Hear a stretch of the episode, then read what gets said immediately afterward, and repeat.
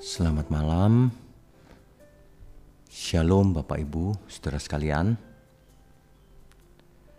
Malam ini saya akan membacakan satu nas Alkitab yang saya ambil dari kitab Roma pasalnya yang ke-8 ayat 18.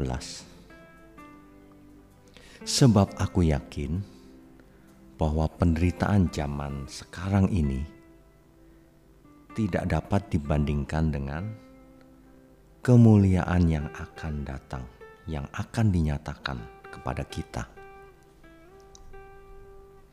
Saudara, di zamannya Rasul Paulus terjadi penganiayaan yang hebat terhadap jemaat di Roma. Sehingga nasihat ini sangat relevan bahwa penderitaan yang dialami tidak ada apa-apanya dengan nanti langit yang baru, bumi yang baru, surga yang dijanjikan Tuhan. Di zaman sekarang, mungkin kita sudah tidak mengalami penganiayaan seperti zaman Roma tentunya. Tetapi bukan berarti hidup menjadi lebih mudah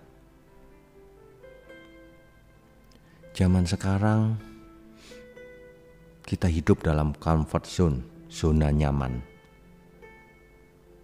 Ini justru berbahaya. Mengapa?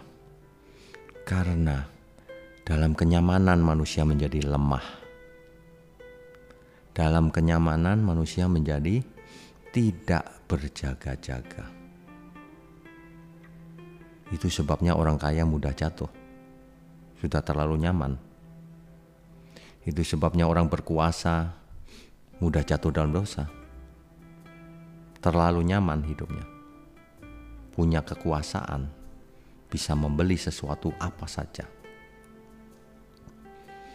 Jadi, bukan berarti zaman sekarang tidak ada penganiayaan lalu kita boleh santai-santai saja.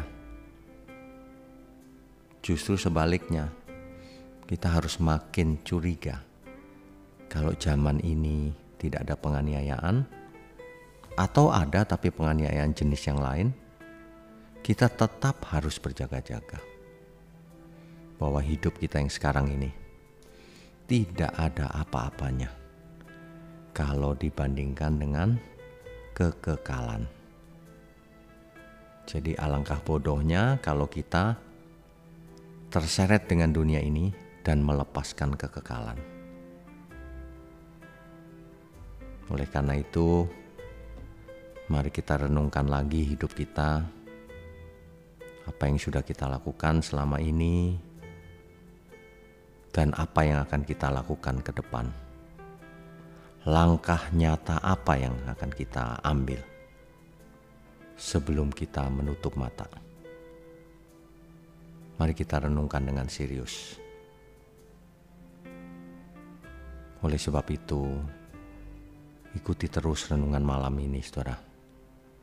Ini akan membuat saudara setiap malam merenung, diingatkan, sehingga berjaga-jaga. Kalau saudara menyimpang, diingatkan kembali agar kembali ke jalan yang benar, lurus. Demikian ya. Selamat malam, saudara. Selamat istirahat malam. Tuhan Yesus memberkati kita semua. Amin.